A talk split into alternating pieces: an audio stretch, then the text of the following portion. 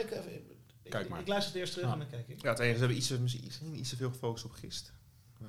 Goed. eh. Want waar wil je nog meer... eh, Bacteriën. Nou ja, goed, eh, bacteriën eh, is denk ik eh, over de hele breedte genomen een groot probleem. Ja, maar... dat is, je komt vaker tegen dat er een eh bacterie-infectie In is. principe dan- wel, ja. Oké, nou, dat heb je dan nu gezegd. Dus, eh, pleur, pleur het gewoon weer Nou, erin. daar kan je nog in pleuren. En eh, je mag er ook nog even bij noemen dat eh, er gewoon eh, meer dan 95% van de Nederlandse bieren gewoon negatief zijn. Dat is nog wel een leuk dat, eh, toch? daar zijn we niet, eh, niet eh, aan meer dan 95, is het niet veel meer nog? Nee. Nee, van wat je test. Van wat wij, ja, sorry. Van wat van wat wij test. testen Ja, oké, heel goed. hè, is 95% negatief. is goed, ja. Ja, dus dat betekent dat van het bier dat op de markt gebracht is gewoon 99,9%. 0,99% is in principe... Het meeste bier is ook goed. Ja. Ja, maar dat moet je onwijs gaan extrapoleren. Want er zijn 15 brouwers die regulier testen van de 600 die er zijn. 95% van de bieren die zij inzenden is negatief. Dan moet je dan op basis van gaan extrapoleren. Dan Ja, kan je zeggen maar het de is wel- totale Het is bier. wel op basis van, eh, van meer dan 8000 testen per jaar. Hè? Ja, daarom. Ja, Welkom bij weer een nieuwe aflevering van Lullen over bier. We maken een serie over kwaliteit. Ik merk dat kwaliteit steeds vaker als toverwoord gebruikt wordt door onder meer grote brouwerijen, horecagelegenheden, consumenten, maar ook door kleine brouwerijen om een waardeorde te geven aan bier. Maar wat is eigenlijk kwaliteit? Kan bier van een kleine brouwerij zonder laboratorium van topkwaliteit zijn? Kan bier van een grote brouwerij kwaliteitsloos zijn? Gaat kwaliteit over smaak, recept, continuïteit, stabiliteit, balans? Zeg het maar. Wat moet een brouwerij allemaal doen om te zorgen dat kwaliteit gewaarborgd is en blijft? En kunnen we misschien door deze afleveringen te maken tot een eenduidige conclusie komen over het begrip? In vier afleveringen lullen we over bier met de grootste brouwer van Nederland, een laborant die dagelijks vele bieren test, een horecaondernemer en tot slot ook een kleine brouwer. Veel plezier met luisteren.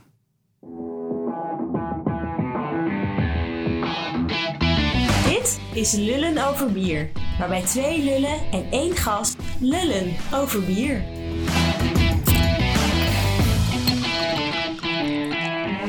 Ja, en daar zitten we dan met Ronald van Doorn bij Innociefs Diagnostics.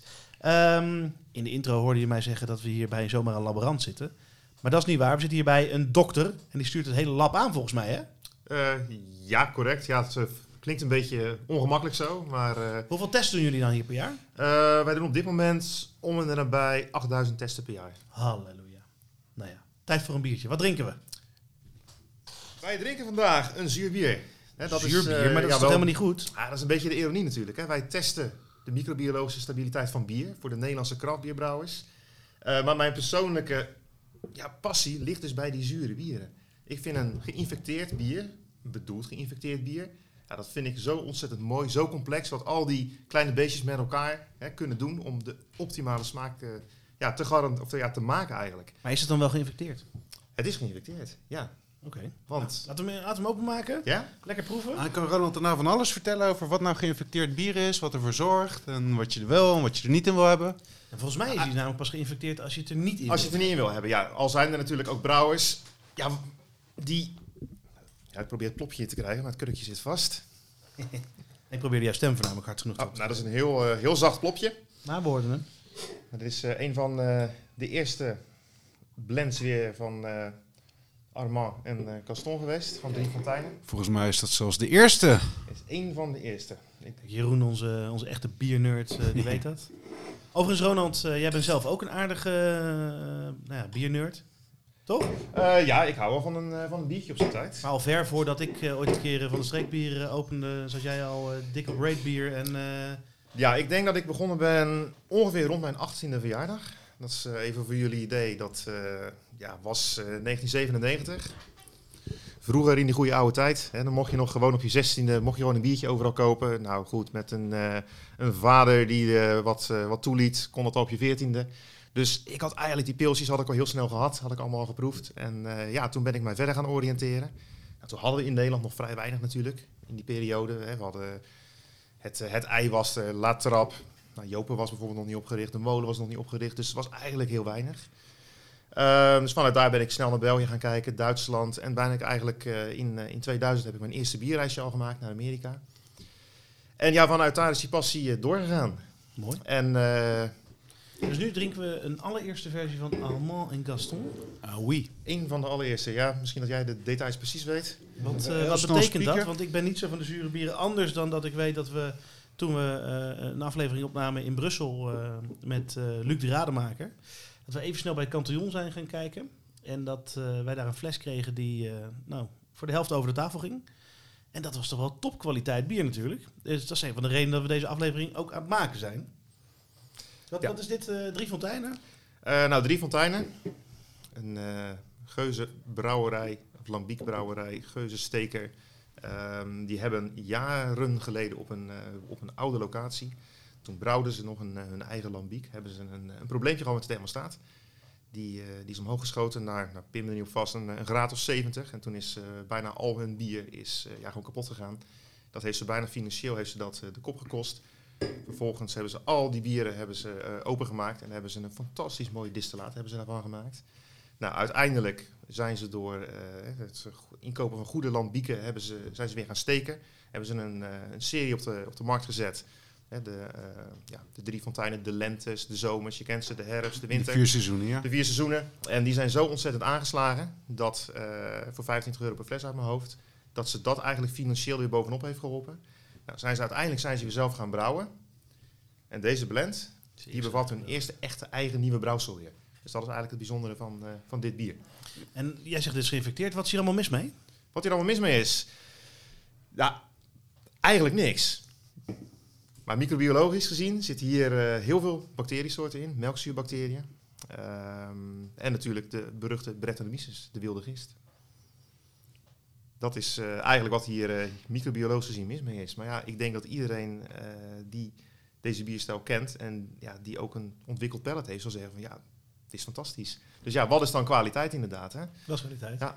Laten we teruggaan naar ehm, wat jullie hier dan het meeste doen. Want het meeste wat jullie hier doen heeft niks te maken met eh, het bier wat we nu drinken. Het gaat over brouwerijen die een clean bier willen hebben. Ja. Toch? Correct. Eh, ja, als jij een, eh, hè, laten we even heel traditioneel blijven in eerste instantie, een blondje, een dubbeltje, een trippeltje wil brouwen, hè, want ja, zo is de Nederlandse craft beer scene ook begonnen. Ja, die wil je niet dat die zuur worden. Hè, je wil niet dat ze, als je ze openmaakt, dat ze uit fles komen. Ik zeg altijd, dan zijn de bieren blij om je te zien. Dat wil je niet als brouwer. Eh, Het is toch lullig hè, als jij eh, je bier wegzet in een, eh, in een mooi restaurant. En, en dan maakt de, de kelner die, maakt het biertje open en het gust bijv- bijvoorbeeld hè, over het dienblad. Dat schiet niet op. Het kan ook een eigenschap zijn. Ik bedoel, de meeste champagneflessen komen ook iets omhoog. Ja, ook juist een wilderige... Ja, nou, zullen we dat biertje daar even openmaken dan? Eh, ja want, Als het een mooie eigenschap is. Want Ronald heeft twee, ik zal een foto daarvan maken. Ronald heeft twee bieren op tafel gezet die hij voor ons geanonimiseerd heeft. En ehm, dat heeft hij gedaan eh, omdat, eh, ja, omdat volgens mij de brouwer zegt dat het goed bier is, maar jij hebt er iets in geconstateerd. ik heb ze als voorbeelden genomen van eh, ja, wat er mis kan zijn met bier. Oké, ja. Maar ja, dit is, deze twee specifieke bieren, ja, dat is meer toeval eigenlijk. Die vond de brouwer ook helemaal toppie joppie. En ja, onze test was niet goed, laat ik het zo zeggen. Dus nou, dan gaan we nu kijken of de brouwer gelijk had of dat wij gelijk hadden. Hm. En, hoe oud is dit bier dan? Wat, zeg maar, hoe snel kan je zoiets bedenken? Want, want ik weet, kijk, ik zou ook misschien mijn kant van waarom we hier dan zitten eh, eh, uitleggen. Eh, vanuit Van de Streekbier, eh, waar ik natuurlijk een kleine vinger in de pap heb, testen wij alle bieren ehm, hier eigenlijk. Dus wij sturen van elk bier één of meerdere samples naar Wageningen. En hier wordt het getest op bak- nee, bierbedervende bacteriën. En ehm, als er dan verdenkingen zijn, dan gaan we andere tests doen. Bijvoorbeeld ehm eh, diastaticus, wat een teringding is, wat je niet wil hebben als brouwerij. Ehm, mochten er verdere verdenkingen zijn, dan zou je nog Brett kunnen testen. Nou ja, alles kan hier voor de rest ge- getest worden. Hè? Ja, correct. Wat heb ik nog gemist in deze? Zijn dat de drie testen die het meest gedaan worden? Of? Ja, bacteriën en gisttesten, ja. Ja, Dat is eigenlijk wat wij, eh, ja, wat eh, echt ons specialisme is. want jullie testen hier niet, ehm, dat is misschien ook belangrijk om te zeggen, ehm eh, alcoholgehalte, Nee, plato's, eh, ja. Nee, dat, bitterheid. eh, wij zijn echt pure microbiologen. Ja. En de microbiologie in, eh, in bier die is, eh, ja, die is vrij complex.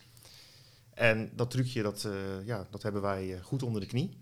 En voor de, ja, de glutenbepalingen en de alcoholbepalingen, ja, dan stuur ik meestal de brouwers door naar de reguliere voedsellaboratoria. Ja. En wat doen jullie hier nog meer, behalve bier testen? Ehm, ja, eigenlijk een heleboel. Ehm, wat wij doen, eh, wij zitten eigenlijk zitten wij eh, van oorsprong zitten wij in de farmacie. Dat is eigenlijk onze grootste afzetmarkt.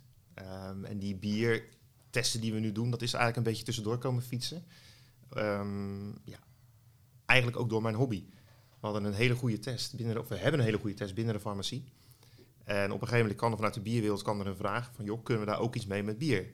En vervolgens ben ik met die partij deze test gaan ontwikkelen.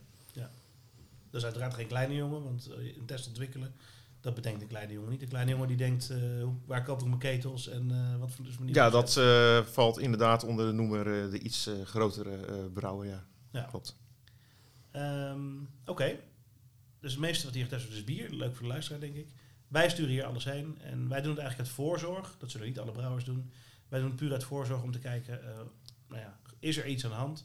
En op het moment dat er iets aan de hand is, dan kunnen we die batch van de markt afhouden of halen. Eh, en dan kunnen we nog nou ja, besluiten nemen die passend zijn bij whatever we dan hebben geconstateerd. Ehm, niet alle brouwers doen dat, neem ik aan. Heel veel bieren die je hier krijgt, krijg je pas als er een defect mee is? Of? Nou, wat wij op dit moment zien, hè, wij hebben ongeveer, dat zal het zijn, rond de 100, 110 brouwers die eh, bij ons bieren laten testen. Nou, ik denk dat van die 100, 110 brouwers dat er ongeveer 15%, maar 15% zeer regelmatig bier opstuurt. En zeer regelmatig, hè, dat is eigenlijk iedere week, ieder brouwsel. Hè, soms voorbottelen, nabottelen. Wordt er best bang dat wij de meeste bieren insturen? Eh, nee, nee, nee, sorry, die, eh, die Ja. veren die, eh, die krijg je net niet. Gelukkig niet. maar nee, nee, nee, weet je. Maar, en dan zijn er ook de, de brouwers die, ja, die testen.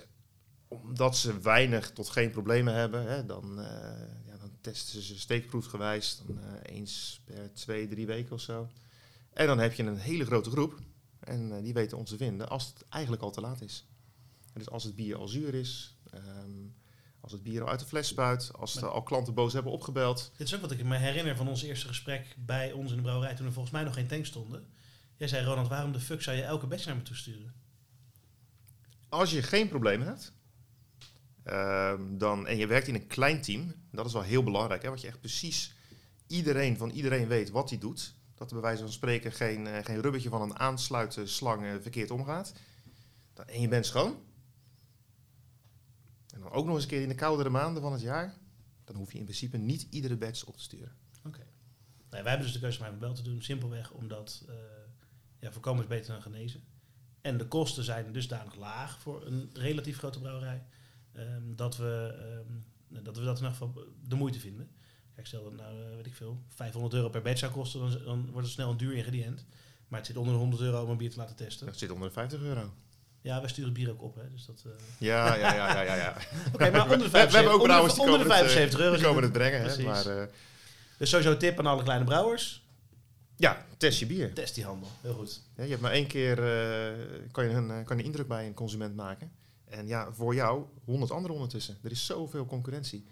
En dat doe ik niet, hè, omdat ik heel erg graag heel veel geld wil verdienen aan die testen. Die zeg puur vanuit mijn passie. En eh, ja, weet je, je kan bij ons testen. Wij zijn toevallig een echt een gespecialiseerd bierlab. Maar je kan ook ergens anders een test laten uitvoeren. Ik zeg nog altijd, een, een suboptimale test is nog altijd beter dan geen test. Er zijn ook brouwers die doen eh, testen eh, ja, in de brouwerij zelf. Je kan het bij wijze van spreken zelf opkweken als je het lekker warm wegzet.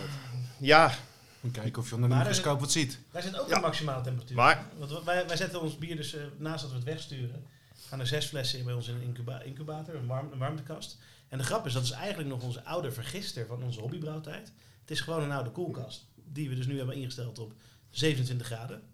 Pertinent niet op 28, dat mocht niet van Ronald. Want eh, het is een, cruci- een cruciale temperatuur. Eh, je wil hem ook niet te warm hebben. Dus, eh, en wat we daar in principe mee doen is elke twee weken gaat er een fles van open. Dus ook als we hier testen op bacteriën en daarna blijkt dat er een, eh, een tweede gist of een diastaticus of in zit, dan zou dat daar eerder in moeten opkomen dan de bieren die nog in het schap staan of die, eh, ja, die bij ons nog eh, in voorraad zitten. Ehm, en dat is natuurlijk een tweede moment om ten eerste de verkoop van die batch te stoppen en ten derde direct weer een sample hierheen te sturen om te kijken, hey, hier gaat nog steeds iets mis. Of hier gaat iets mis voor het eerst. Eh, wat, wat gaan we doen? Ja, nee, eh, absoluut. Ehm, hè, om heel even op jouw opmerking eh, terug te komen, Jeroen. Ja, je kan het dan ook zomaar wegzetten. Ja, dat kan. Het enige nadeel daarvan is, is dat als er een infectie in een bier zit, die zit in bier A. zet je die weg en die infectie die doet helemaal niks. Je gaat hem niet proeven. Maar hij zit wel in je systeem. Dus jij denkt, oh mijn systeem is schoon. Dan vervolgens ga je een bier B. Doet hij ook niks in. Je denkt, oh mijn systeem is schoon. En je gaat door. Bier C. Zit hij ook nog steeds niet in. Bier D, exact hetzelfde. Je proeft nog steeds niks. Tot op een gegeven moment dat de eerste klachten gaan binnenkomen over bier B. Want die bacterie of gist deed niks in bier A. Maar na een bepaalde langere periode gaat hij wel wat in bier B doen. Ja. En dan blijkt opeens C, D, E ook problemen te gaan geven. Dus het is te alle tijden beter om eerst te testen, te weten of er potentieel iets mis is. Want je gaat niet iedere infectie proeven. Zelfs niet van de, eh, de beruchte traditionele bierbedervers. Je gaat niet alle lactobacillus brevis infecties gaan je proeven. Gewoon niet 100% Nou, maar- van, van, van, die, van die stam zal iets met jouw bier gaan doen. Maar een hele simpele Maar aanname als je was- het weet, dan kan je inderdaad, zoals Van der Streek doet, track and trace kan je gaan bijhouden. En dan weet je Ah. in ieder geval dat er iets mis is. Potentieel. Duidelijk. Duidelijk. Ik vind het persoonlijk wel nog steeds schrikbarend dat jij zegt van die 100 zoveel klanten die wat opsturen, dat ongeveer 15% dat regelmatig doet. En dat niet iedereen zich dat zo strikt doet als wij. Eh, dat kan ik dan nog inkomen, zeker ook omdat het is zelfs jouw advies om het niet zo strikt te doen. Ehm, maar dat dat maar 15% daarvan is, dat betekent dat het 15 tot 25 brouwerijen zijn. Dan is het dus een hele grote plons die het of zelf thuis eh, heeft ontwikkeld en het zelf doet op een andere manier. eh, of het dus niet doet. Ja, het is vaak het sluitstuk van de begroting, zeg ik altijd. Het zijn extra kosten voor iets waar de brouwer nog niks van merkt. Ja. En waarvan de brouwer over het algemeen van overtuigd is, oh, dat overkomt mij niet. Hè, want dat is eventjes wel iets wat ik hier wil wegnemen. Hè. Een, een misverstand wat in die bierwereld, in die brouwerijwereld hangt, is van, oh, als je slecht schoonmaakt of een slechte brouwer bent, dan gaat het fout. Nee, het gaat echt bij iedereen fout. De vraag is niet of je een infectie krijgt, maar wanneer. Hè, dus dat wil ik wel eventjes Dus jij- echt benadrukken. Jij zegt hoe klein je brouwerij, hoe groot je brouwerij. Letterlijk van een 200 liter keeltje tot eh, een Heineken of een InBev of whatever. Die hebben allemaal tanks die, ze moeten door, die, door, die, door de play toe, die door, naar de play moeten. Ehm, Ja, alleen hè, de zogenaamde de grote jongens, zeg maar. Jij noemt nu, eh, nu Heineken, nu weet ik InBev, niet eh, precies hoe het in de keuken van Heineken eraan toe gaat. Maar die hebben wel een QC. En die ondervangt dat die geïnfecteerde batch op de markt komt. was een QC. Quality control. Kijk. Hè, dat hebben ze. En dat zorgt er in ieder geval voor dat het bier niet op de markt komt. Dus dat merken wij niet. Maar geheid dat die ook problemen hebben. Ja, de- je mag natuurlijk niet alles zeggen, maar ehm, als we dan zeggen van groot tot klein, iedereen heeft het. Dat betekent dat iedereen die bij jouw klant is, heeft wel eens iets. En groot is dan ook echt heel groot. Je bedoelt qua hoeveelheid Ja, hoe, hoe, hectoliter die ze ja, brouwen precies, ja, ja. Ja, groot is echt heel groot. Maar eh, wij hebben geen hele grote brouwerijen als directe klant die monster naar ons opsturen. Wij focussen ook ons op, de, hè, op, op die craft bieren. Oké. Dus op een gegeven moment, en dat komt dan waarschijnlijk omdat de grotere brouwers dit soort tests gewoon in huis kunnen uitvoeren. Een bepaald niveau van testen kunnen de brouwers zelf inderdaad in huis Ja. uitvoeren. Want ik Ja. weet uit onze huurbrouwperiode dat Joop bijvoorbeeld, die doet eh bierbedervende bacteriën in huis. Ja. ja. Oké, cool.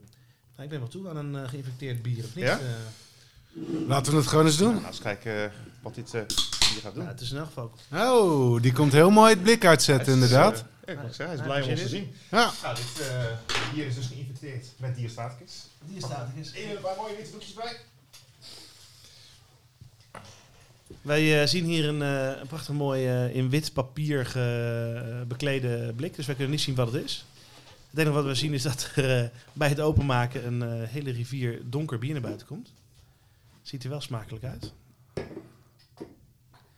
Maar met veel koolzuur. Die staat je eens uitleggen wat dat doet met een bier? Na het inschenken uiteraard. Prioriteit, hè? Nou, Precies. proost heren. Proost, denk ik. Nou, diastaticus, hè, dat is eigenlijk een variant op de reguliere brouwgist. Ik eh, zie eh, vieze gezichten. Nou ja, ik zit vooral... ehm, ik ruik wat ruik ik? Niet superveel, hooguit wat mufheid.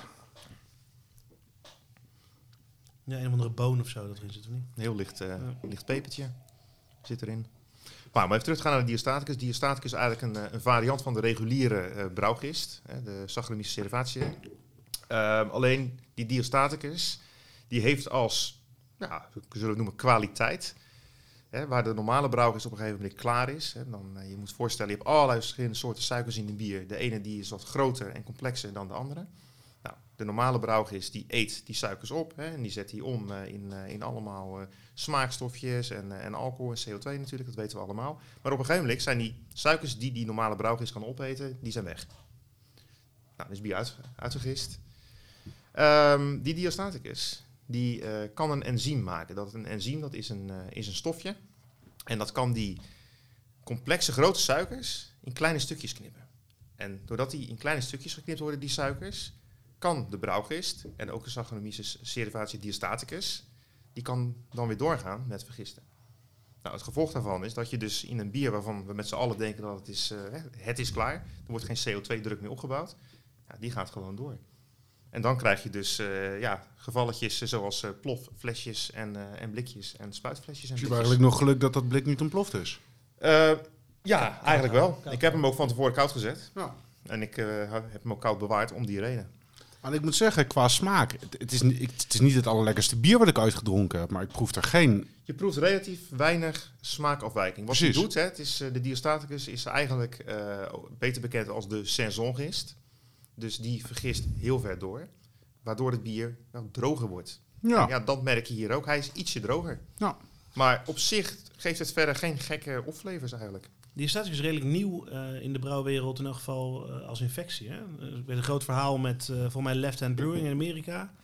eh, die dat opeens in, eh, in, in, in hun eh, bieren had. En daar veel ook ja, gehoor aan hebben gegeven.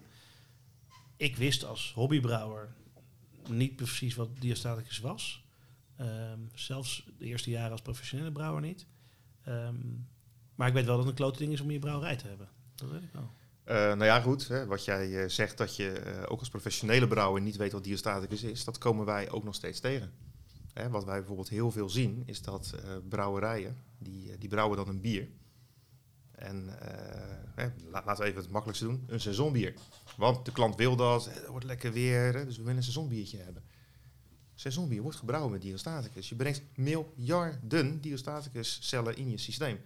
Vervolgens vul je dat af, maak je je systeem schoon. De ene brouwerij doet het ietsje beter dan de andere brouwerij. De ene brouwerij die, die gebruikt een iets duurder schoonmaakmiddel dan de andere brouwerij. Maar om miljarden cellen in één keer goed uit je systeem te krijgen, dat is gewoon, ook al maak je heel goed schoon, ontzettend moeilijk. En vervolgens gaat die brouwerij een IPA'tje brouwen. Nou, dan is er altijd een hele grote kans op sleep. Hè, met die diastaticus gist die toch nog ergens verstopt zit.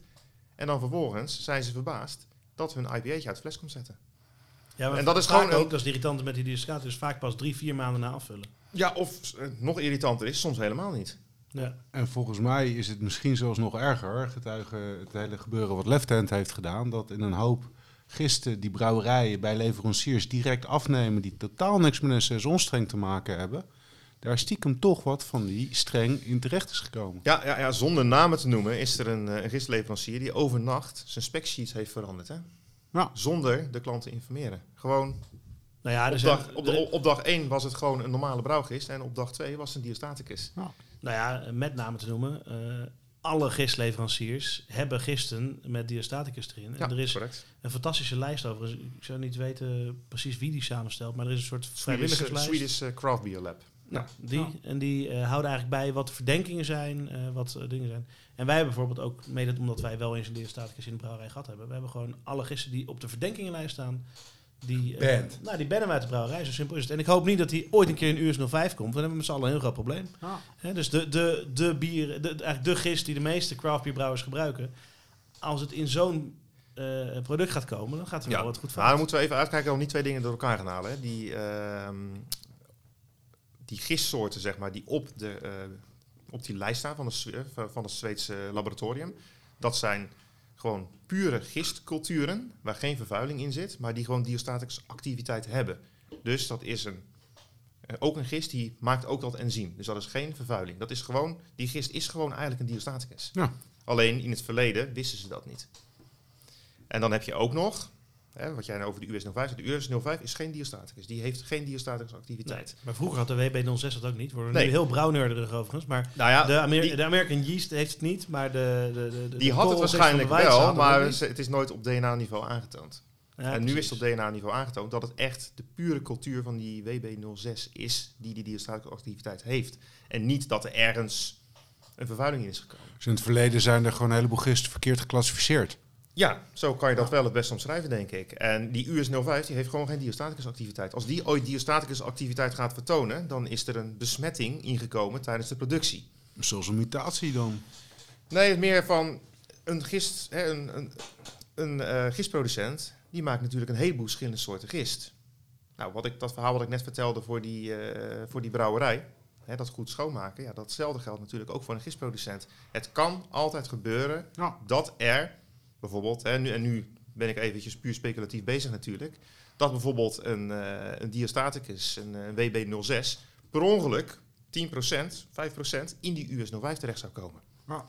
En dan is niet de US05 is opeens een diastaticus geworden, maar is die badge gewoon besmet. Ja, precies. Nou, en daarom hè, voeren die, eh, die gistproducenten ook kwaliteitscontroles uit om die kans te minimaliseren. Dat dat ook zo, ooit zal gebeuren. Laten we eens terugpakken naar kwaliteit van bier. Ja. Is bier met zo'n diastaticus waar we het nu over hebben, is dat per definitie slecht van kwaliteit? Niet voor de kwaliteit van het bier, denk ik. Zoals je net eh, zelf ook al eh, hebt geproefd, is dat de smaakafwijking minimaal is. Dus hij is wat droger. Ehm, maar het is wel slecht voor je image, denk ik. Ik denk niet dat eh, restaurants dit heel erg graag aan hun klanten zullen voorschotelen. Nee.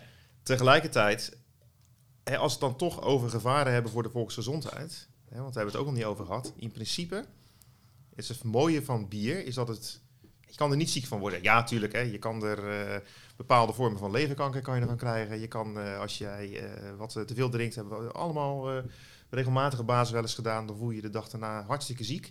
Hè. Maar ik bedoel eigenlijk microbiologisch gezien, zal je van bier niet ziek worden. Want de bacteriën, de ziekteverwekkers, waar wij mensen ziek van worden, die kunnen niet overleven in bier. Nou, dat is hartstikke mooi. Tegelijkertijd is dat ook weer een nadeel, want daardoor is er dus geen testplicht vanuit bijvoorbeeld de NVWA voor brouwers om te gaan testen. Ehm, dat is ook een van de redenen waarom heel veel brouwers denken van, oh, hè, het zal wel. Maar Dit- er zit geen verplichting, maar- staat de NWVA gelijk op de stoep. Nou, hè, dus, maar dit is een gist. En die gist, daar gaan wij ook niet ziek van worden. Dus de kwaliteit puur microbiologisch, gewoon biertechnisch is, is goed. Maar als dit flesje... fles of een plofting bleek, daar worden we heel ziek van. Ja, dus dat is wel iets. Hè, als we het dan toch over kwaliteit hebben en gevaar voor eh, de volksgezondheid, dan is die diastaticus wel een issue. En ja, we zullen zien eh, hoe eh, in de toekomst eh, ja, de wetgever daarmee omgaat. Want niemand wil plofflesjes hebben. Nou, hoe bekijk jij vanuit jouw rol kwaliteit in bier? Eh, dubbel. Ik kijk het, eh, bekijk het natuurlijk als consument, want ik ben, hè, wat ik al heb gezegd, een ontzettende liefhebber.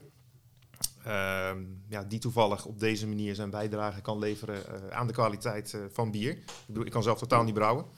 Hè, dus, Er zijn er eh, eh, honderden anderen die dat nou wel ja, voor je weet doen. je, het is heel frustrerend. Hè? Want wat ik zei, ik, eh, ik was, in principe was ik al heel vroeg, eh, zat ik in die craftbeer scene en ik heb een paar keer geprobeerd te brouwen. Maar ja, ik was eigenlijk dat jongetje op het voetbalveld stond, dat eh, heel graag Messi wilde zijn. En iedere keer als hij de bal kreeg, wanhopig over die bal heen schopte. Dat was ik in de brouwwereld. Het zat er gewoon niet in. En gelukkig was ik iets beter in microbiologie. Maar ik kijk het niet alleen als microbioloog kwaliteit, maar natuurlijk ook gewoon als consument, als liefhebber. Wat verwacht je als consument dan? Ik als consument. ehm, nou, in ieder geval geen, eh, dat de brouwer zijn uiterste best doet om de kwaliteit te borgen. Wat, wat is kwaliteit? Mag, mag een bier wel eens eh, langzaamaan omhoog komen in de fles? Dat vind ik geen probleem. En zo hard als deze? Nee, dat vind ik wel een probleem. Oké. Ehm, Maar, eh, mag een blond bier wel eens eh, eh, een- enigszins een zure of bret invloed hebben? ehm, ah, Als ik, het niet op de fles staat. En je denkt, oh, volgens mij proef ik toch melkzuur of iets dergelijks. Nou ja, goed. Als ik puur naar mezelf kijk, vind ik een bretinfectie en een blond biertje niet erg. Maar als je het even breder trekt, naar de consument in het algemeen, die koopt een blond biertje en die verwacht een blond biertje. En als de brouwer dan eigenlijk ja, had kunnen weten dat er een bretinfectie in zat, dan had hij dat op de fles kunnen zetten en was de consument niet misleid. Maar als wat, zegt, wat zegt de gemiddelde consument het als je erop zet, hier zit een bret in? Ook geen, ook geen donder, toch? Even, Eh, nou ja, goed. sommigen Daar, zullen denken, oh, dit smaakt heel apart. Eh sommigen zullen het lekker vinden, sommigen zullen het vies vinden. Maar de gemiddelde consument of de gemiddelde biergeek. Want-. Want de gemiddelde consument vinden denk ik wel degelijk een probleem.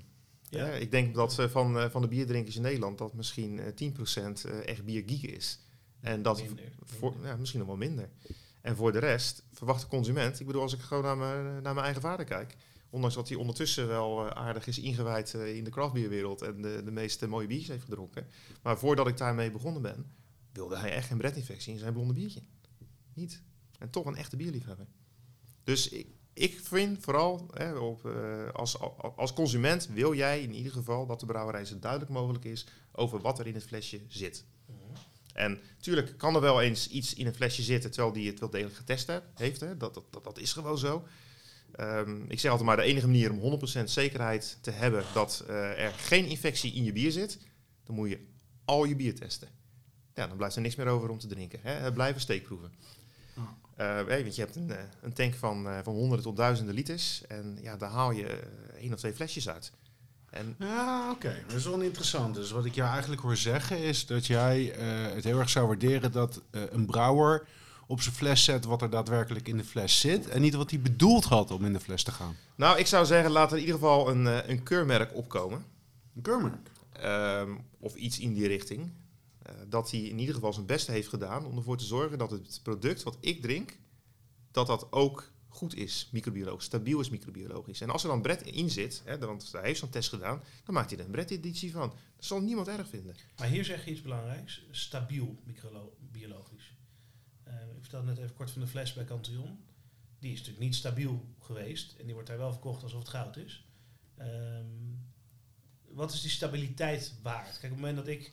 ehm, nou, la- laten we een, eh, een vorige gast van Lullen over bier noemen. Luister trouwens alle afleveringen. Ehm, eh, Robert Uileman. Die heeft eh, blikken tegenwoordig. Fantastisch mooi. Er staat drie maanden houdbaarheid op. Zolang het binnen die drie maanden niet te veel afwijkt, heel, heel lullig gezegd, wat maakt het uit of het stabiel is over een half jaar? Zolang de belofte is, binnen drie maanden smaakt dit goed, spuit de fles niet uit, et cetera, is het misschien wel goed genoeg. Dan is Ondanks het dat genoeg. het niet, sta- Absoluut. niet stabiel hoeft te zijn. Absoluut. Dat, Waarbij eh, over niet zeg dat de bieren inderdaad niet stabiel zijn, want volgens mij zijn die hartstikke stabiel. Maar goed, hè, als we dan eh, toch eh, even het eltje als, als voorbeeld nemen. Kijk, ze brouwen meer dan alleen maar IPA's. Dus stel, zij zouden helemaal niet testen. Maar ze zeggen wel van, nou, hè, of, of, of ze testen wel, maar ze ja, die, die IPA's, die, hè, ondanks dat er een infectie in zit, wij garanderen dat die goed blijft. Nou, dat geloof ik ook. Sterker nog, ik zeg het vaak genoeg tegen, tegen andere brouwers. Joh, het gaat op fust. Wanneer staat fust op? Oh, maak je geen zorgen. Dat wordt koud bewaard, voor die tijd geconsumeerd. gaat nooit een probleem zijn. Maar als je meer soorten bier brouwt, Dit zeg jij als er een infectie eh, gevonden wordt hier in het lab. dan eh, wo- wordt dat soms besproken met brouwers. Ja, tuurlijk. Want de, de eerste vraag die ik krijg van een brouwer, ja, wat moet ik hier nu mee? En nu? Ja, dan probeer ik natuurlijk ook een beetje mee te denken. Ik bedoel, je wordt niet ziek van een infectie in bier. En als die infectie ontzettend laag is, en je houdt het bij jezelf, in je eigen tap, eh, de- eh, in je eigen kroeg, en je bewaart hem koud, want die, als we dan toch over die diastaticus hebben, nou, die gaat pas groeien bij warme weer, bij warmere temperaturen. Als jij dat, eh, dat bier gewoon op, zo- nou, laten zeggen, 18 graden houdt, en je tapt het binnen, binnen een maandje, tap je het weg. Dus nu zijn alle brouwers die zijn in de brouwerij diastaticus aan het najagen met dit weer. ja, nou Nou, ja. zeker weten. Nou, we hebben vorig seizoen, even voor, hè, voor jouw idee. eh, in de maanden augustus en september had ik bijna iedere dag twee tot drie brouwers aan de lijn voor diastaticus testen. Ja, dat zal Dat best wel, een, ja. eh, was een gekhuis. Nou, dat Maar zal nee, dan eh, misschien- nu weer zo zijn, of niet? Sorry? Dat zal dan nu weer zo zijn, of niet? Nou, het is nu minder lang Ja. warm. Ehm, maar goed, ja, weet je, dagen zoals vandaag juich ik natuurlijk toe. Nee hoor, dat is natuurlijk niet waar. Maar eh, nee, maar kijk, het is gewoon op het moment dat jij dus meerdere bieren brouwt. Je brouwt ook bier, hè, waar jij de houdbaarheid... Hè, eh, volgens eh, sommige barrel-aged stouts, nou, die, er zijn brouwerijen die leggen ze 25 jaar in de toekomst. Ja. Als je dan een infectie in je systeem hebt, dan moet je niet zo lang... Ja. dan moet je geen 25 jaar meegeven, zeg maar. Dus tuurlijk, voor bepaalde bieren, zoals jij net als voorbeeld gaf, die, eh, die, die, die fresh IPA's van het Eltje, ja, tuurlijk. Dan moet het wel heel gek zijn, denk ik. Wil je daar ooit in iets gaan proeven? Want ook komt nog eens een keer het advies mee: koud bewaren. Ja, precies. Koud vervoer, wa- alles koud, koud, koud, koud, koud. Dat gaat eigenlijk niks doen. Nou, en daar kan je ook zeggen dat de belofte die die garandeert, zeg maar, drie maanden smaakt dit bier zoals het bedoeld is, ontploft de blikken niet, komt het niet. eh, ja, dat, is ook een vorm van kwaliteit. Dat hij gewoon waar Tuurlijk. maakt wat hij belooft. Tuurlijk. En hij is eerlijk in wat hij belooft. Tuurlijk. Ja. Maar op het moment dat eh, een brouwer eh, wel of niet test en hij weet dat er bijvoorbeeld wel iets in zit, en hij geeft hem dan vervolgens wel 10 jaar houdbaarheid mee, ja, dan doet een brouwerij niet wat hij belooft. Precies. Of, Ja. sterker nog, hij heeft helemaal niet getest. Hij weet het niet eens of het erin zit, maar hij geeft wel die 10 jaar. Ja. En dan ga ik hem over 8 jaar ga ik hem openmaken. Want ik hou toevallig ook van oud bier. Ja, er zijn er zat, daar hoef je maar vier of vijf jaar te wachten. Bijvoorbeeld, ja. Dus ja, wat is de definitie van kwaliteit? Eh, Ik zou in ieder geval graag gaan, we willen... daar gaan we nog niet uitkomen. Nee, daarom, daar, daar, daar, kom je gewoon niet Je uit. moet Maar, iets hebben om over te lullen. Nou, maar het leuke is juist om de kwaliteit vanuit verschillende invalshoeken te, beri- te, belichten in deze serie. Dus het is, eh, ja, ben je ook wel benieuwd naar jouw invalshoek van- eh, vanuit je werk als, als, als, als onderzoeker. Naar, nou ja, kwaliteit wat ik zei. In ieder geval dat een, eh, een brouwerij er alles aan heeft gedaan om ervoor te zorgen dat de claim die hij maakt onderbouwd kan worden. Nou, Zonder namen te noemen, zijn er nou eh, vaste klanten voor jullie die statistisch veel vaker problemen hebben dan anderen? Ja. Oké. En is dat dan, is dat dan eh, merk je dat er bijvoorbeeld door samen te werken met jullie, of met wie dan ook, maar eh, dat het dan daardoor minder wordt? Of blijft dat gewoon consistent gekloot soms? Ehm, dat is heel erg klantafhankelijk. Ja. Ehm, maar wij zien wel dat hoe groter de brouwerij wordt, hoe eh, meer mensen er werken, hoe meer mensen soms taken van elkaar overnemen en hoe eerder het fout gaat. Dat is wel iets wat wij zien. Zo, hè? Dat, is ook, dat is eigenlijk contradictie. Hoe groter je wordt, hoe vaker het fout gaat. ja, maar die snap ik wel. Dan heb je minder zicht op de kwaliteitscontrole. Mensen nemen taken over. Zijn net niet helemaal op elkaar ingespeeld hoe ze het doen. Maar je Eh, zou bijna verwachten dat als je over een bepaald punt heen komt, dat het dan weer beter wordt. Omdat er dan dan protocollen moet je er een, komen. dan, omdat dan er- moet je er een ja. hele grote afdeling Dan, opzetten. dan, dan zijn we echt wel weer een heel ander niveau. Hè? Ik bedoel, ik heb het hier eh, niet eh, over eh, kraft, eh, over, over de grote brouwerijen waar, waar ja, Kun, zou- zou- kun 50 je, in- tot kun je 100 in volumes praten? Hoe, hoe groot die brouwerijen ongeveer zijn? Nee, ik wil het echt zo, wat dat betreft, zo anoniem mogelijk houden. Nee, maar dat snap ik. Maar bijvoorbeeld, wij doen dit jaar, eh, laten we zeggen, ergens tussen de vijf.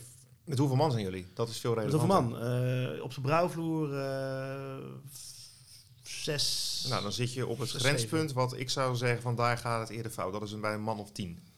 Oké. Dus als wij nog een beetje groeien, dan eh, gaan, Zou we, je- gaan we juist meer Zou je eerder problemen kunnen krijgen? Ja, Ja. grappig. En dan moet je een stuk meer aandacht aan je protocollen en procedures gaan besteden. Ja. ja, interessant. En die kan je weer in je zak steken. Nou, Nou ja, dat dat is een gratis consultancy. Nou, precies. Dat doen we anders nooit. Kaching. Dat, Daar eh, eigenlijk een jingletje voor hebben. Kaching. Oké, dus vanaf... eh, in, Maar goed, hè, ja. ja, om eh, op je andere vraag terug te komen. Je, je- vroeg natuurlijk van, ja, worden die eh, infecties minder? Nou, hè, als bij ons een, eh, een bier positief is. Ja, en ik, ik zeg altijd, dat heb ik jullie ook wel eens verteld. Natuurlijk, een positieve uitslag Is dus niet goed, hè? negatief nieuws. Ik, ik vergelijk het altijd maar van als ja, de arts in het ziekenhuis jou zegt dat je HIV positief bent, is dat verdomde negatief nieuws. Nou, dat is voor bier uiteindelijk niet anders. Als een bier positief is, dan zit er dus iets in. Ehm, op het moment dat een bier positief is, dan eh, ja, bieden wij vanuit Innosief, eigenlijk vanuit mijn persoon, omdat ik dat gewoon ontzettend leuk vind om te doen, gratis telefonisch consultancy aan. Dus dan gaan we ook kijken met elkaar van, nou ja, waar kan het vandaan komen?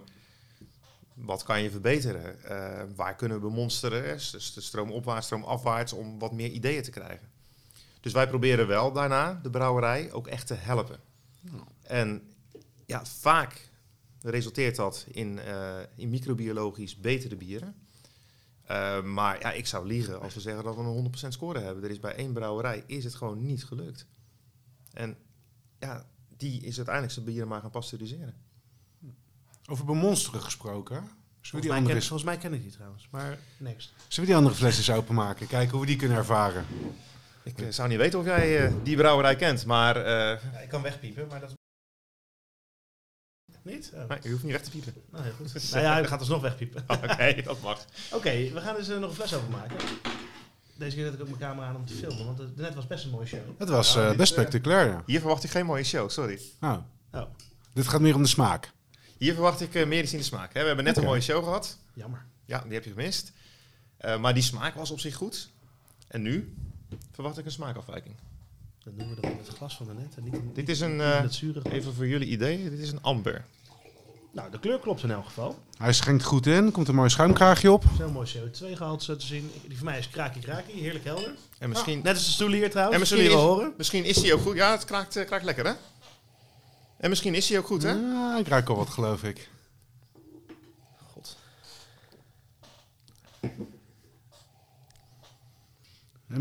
Ik hang een beetje tussen boter en... eh, Dit vind ik heel vies. Ik, ik zou niet weten, qua proeven ben ik daar, ik ben daar niet goed genoeg in. Maar Het, het smaakt zal heel zuur. Ja, precies. Het smaakt zuur. Nou, Even voor jullie idee. Eh, meestal als er een Oh, eh, ja, ik weet Acetico.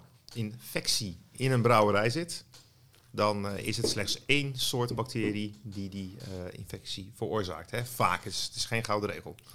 Eh, bijvoorbeeld de Lactobacillus brevis. Ehm, dit is een brouwerij die heeft drie verschillende soorten infecties in zijn bier. zo. Waarvan inderdaad één azijnzuurbacterie, dus die zit wat eerder in het proces. En twee verschillende lactobacillus soorten. Zo, dat is wat je hier proeft. Maar dit bier was goed volgens de brouwer. En ik verkocht onzin. Ja. En dat is ook iets wat, eh, waar ik dan professioneel wat problemen mee heb. Is dat brouwers zijn artiesten. En een artiest voelt zich heel erg snel zelf aangevallen als jij zegt... ik vind jouw schilderij niet mooi. Dat zien ze als persoonlijke kritiek. En dat doet een brouwer ook. Nou ja, ja. Ja, Nou ja, dat snap je, dat snap je Ja, toch wel het, is enigszins nog, hoop ik. het, is, het is misschien zo subtiel nog net wat anders. Je zegt niet, ik vind jouw schilderij niet mooi. Ik vind jouw schilderij niet goed. ja. Alleen in dit geval objectief. dat, is, maar- dat, dat is geen paard. zeg maar, je schildert een paard en dan net dat is exact, geen paard. exact. Ja, dat is natuurlijk niet helemaal waar, want dit is wel bier. Het is Ja. alleen niet ehm, de smaak. Dit is eh, dun.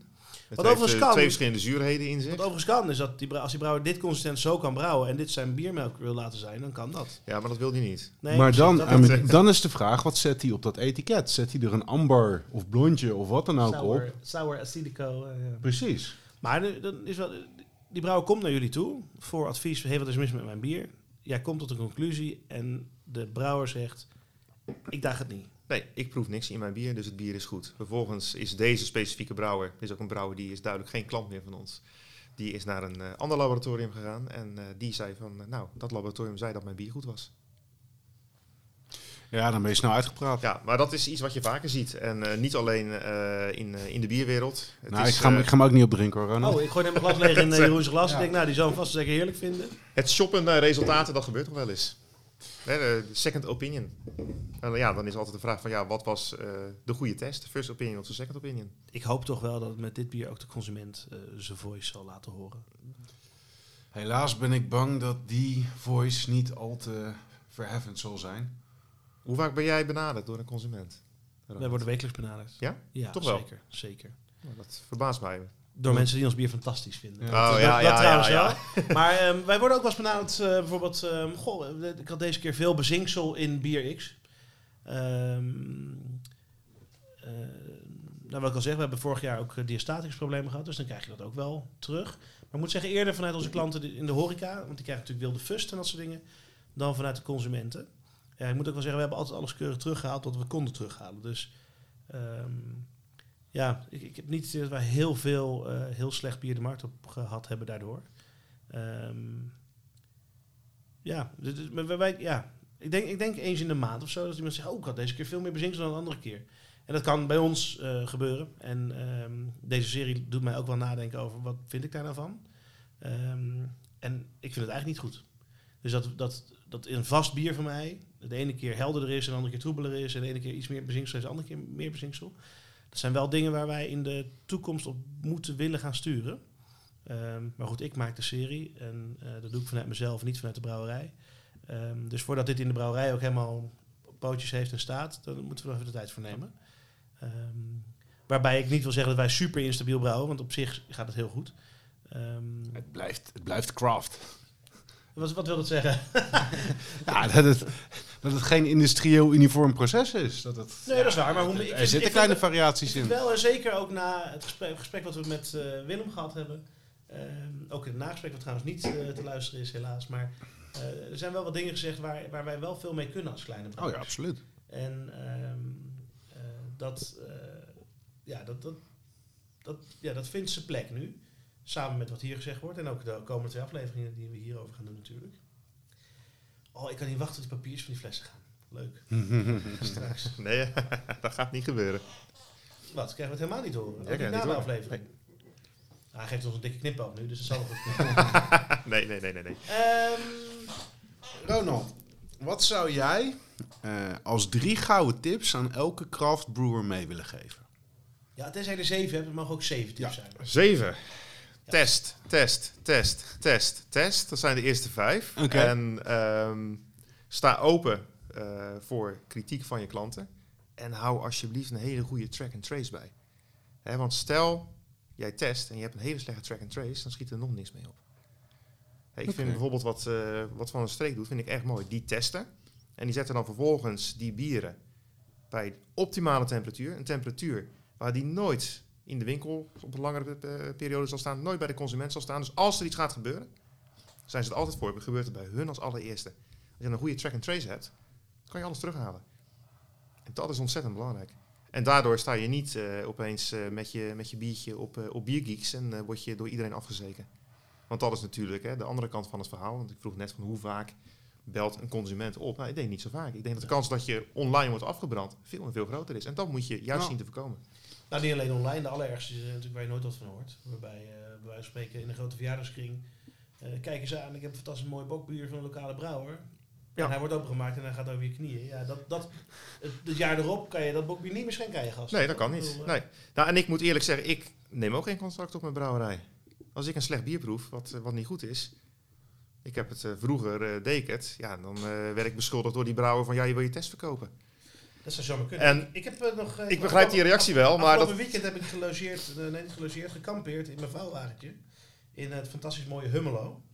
En aangezien we nog heel weinig naming en shaming gedaan hebben. Ik had daar de Hummeloze Hoppa, de APA-versie daarvan. En daar zat een bretinfectie in. En ik kocht keurig bij de Spar twee flessen. Ehm toen ging ik eens zoeken, nou, is er een website? Kan ik contact opnemen? Kan ik iets? Ten, ten eerste was het al rete moeilijk om ze te vinden. Ze hebben alleen een Facebook-accountje in persoonsvorm en in paginavorm. Ze zijn maar 35 keer op, op hun tab ingecheckt. Maar er stond ook een producerende brouwerij bij, die ik overigens ook niet kende. Shame on me. Ehm, die heb ik gecontact en daar kreeg ik redelijk snel eh, antwoord op. En uiteindelijk via de Facebook Messenger kreeg ik ook contact met de brouwerij zelf. En mijn enige vraag was, eh, wanneer heb je het bier voor zelf, of zelf voor het laatst geproefd? Het prachtige antwoord was, ja, afgelopen weekend nog. Er was niks mis mee. En ik had twee flessen, dus dat is ook niet een fout flesje geweest. Dat is gewoon heel waarschijnlijk dezelfde hele batch geweest. eh, die dus die infectie hadden. Nou, toen heb ik mij even uitgelegd wat ik geproefd heb. En eh, we zitten nu op het moment dat eh, zij mij gaan vertellen, ja, dat zij terug gaan komen bij mij. Ik wil trouwens niks van ze, van ze hebben, wat dan ook, maar ik wil voornamelijk dat dat beter bier wordt. Ja. En ik vraag me trouwens ook af of mijn buurman op de camping die paardenweek geproefd had. Dus daarom ook eerder in het gesprek dat ik dacht, ja, hoe erg is het nou als er een klein beetje een bretinfectie is? Het enige erge wat ik daaraan vind is dat ik weet dat die erger gaat worden. En dat uiteindelijk die fles een keer op springen gaat staan. En dat dat nu nog niet zo is, betekent niet. Nou, maar weet je wat het risico er ook in is? Dat die buurman op de camping, die denkt, oh ja, het smaakt wel apart. Die drinkt voor de eerste of de tweede keer een, een, een kraftbiertje of een speciaal biertje. En nou ja, dit is dus blijkbaar hoe speciaal of kraftbier smaakt. Terwijl die gewoon een, een subtiele bret eh, aan het eh, proeven is. Nou, dus dan gelijk een zieltje gewonnen voor die, eh, voor die wild gefermenteerde bieren. Maar dat is natuurlijk niet de bedoeling. Heb je ook veel ehm, huurbrouwers als klant? Want die leggen, leggen natuurlijk vaak het risico bij de brouwerij. Ehm, ik weet in onze huurbrouwtijd hebben we ook wat problemen gehad. Ehm, zelf zou ik het heel verstandig vinden als een huurbrouwer zelf alles laat testen. Als soort second opinion. Maar heb, heb je veel huurbrouwers als klant? Eh, wij hebben aan eh, beide kanten van het proces hebben wij eh, brouwers die bier opsturen. Ja. Dus hè, dat eh, is... Eh, krijg je één bier twee keer van... eh, Nee, want meestal is het wel de- bedoeling, zeg maar, dat eh, als er bijvoorbeeld een, een, een grote brouwerij die zijn capaciteit ter beschikking stelt voor, de, voor de kleinere jongens, zeg maar, die communiceren vaak wel naar de opdrachtgever dat het bier goed is en dat het getest is. Dus de kans dat wij een bier twee keer krijgen, die is heel klein. Heb ik eigenlijk misschien in de zes jaar dat wij dit doen, één keer meegemaakt. Oké. Nou, die kan ik in theorie nog wel voor me zien. Je neemt je bier af, je krijgt netjes het rapport. eh, ik heb het laten testen, het is oké, je betaalt het, je neemt je bier mee. En vier maanden later krijg je die telefoontjes. Ja, ze komen hier achter elkaar de fles uitzetten. Ja, Nou, dan pak jij dat flesje weer terug. De vraag is ook waar test je op. Hè? Kijk, als je op Klopt. een bacterie hebt getest Tuurlijk, ja, en daarna blijkt er neostaticus in te zitten, dat zijn gewoon twee aparte dingen. Dat is waar. Dat is waar. Maar goed, wij hebben dus ook eh, ja, de, de opdrachtgever, zeg maar, die dan eh, zijn kwaliteit wil borgen.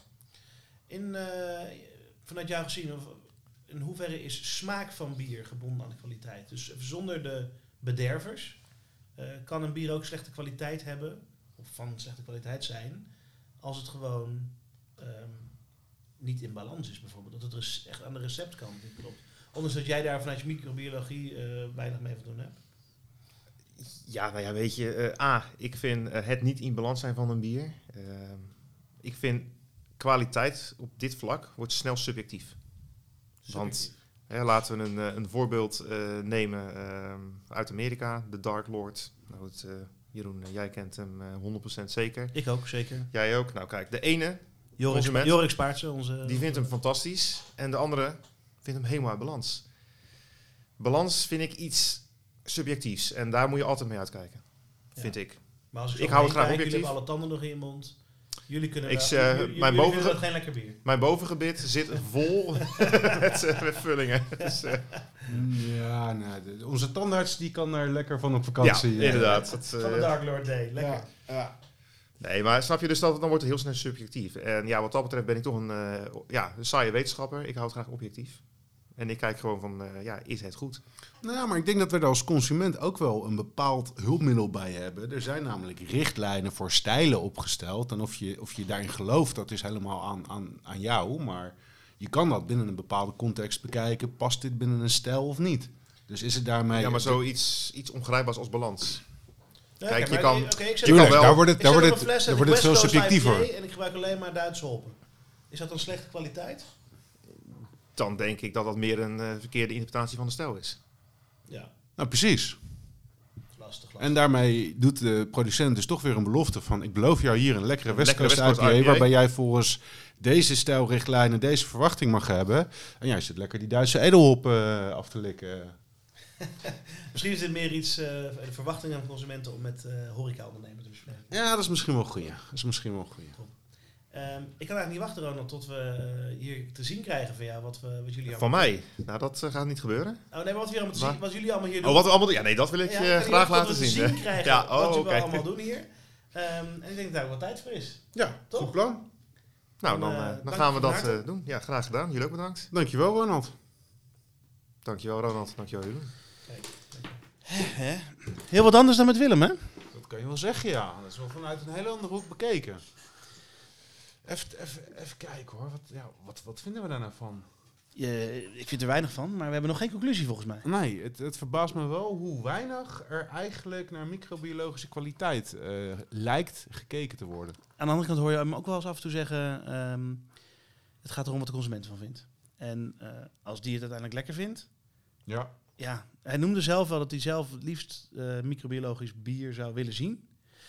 Maar ehm, ja, uiteindelijk, toen ik hem daar verder naar doorvroeg, ging het heel snel over... ehm, Ging, die zet hij weer zijn consumentenpet op. ja, als het maar lekker is. En ehm, dat is natuurlijk ook zo. Ah, Ik, ik, ik hoop dat de consument een keertje echt gaat leren spreken met zijn smaak en uiteindelijk bepalen met zijn portemonnee. Want ja, dat bier wat we geproefd hebben, het is op zich wel bizar dat dat als een amber verkocht wordt en gewoon knijter driedubbel zuur is.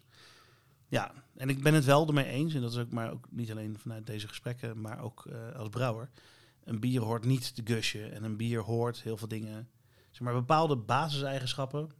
Ja. Zeg maar voor basiskwaliteit van bier hebben we denk ik wel een, ehm, ja, een leidraad te pakken.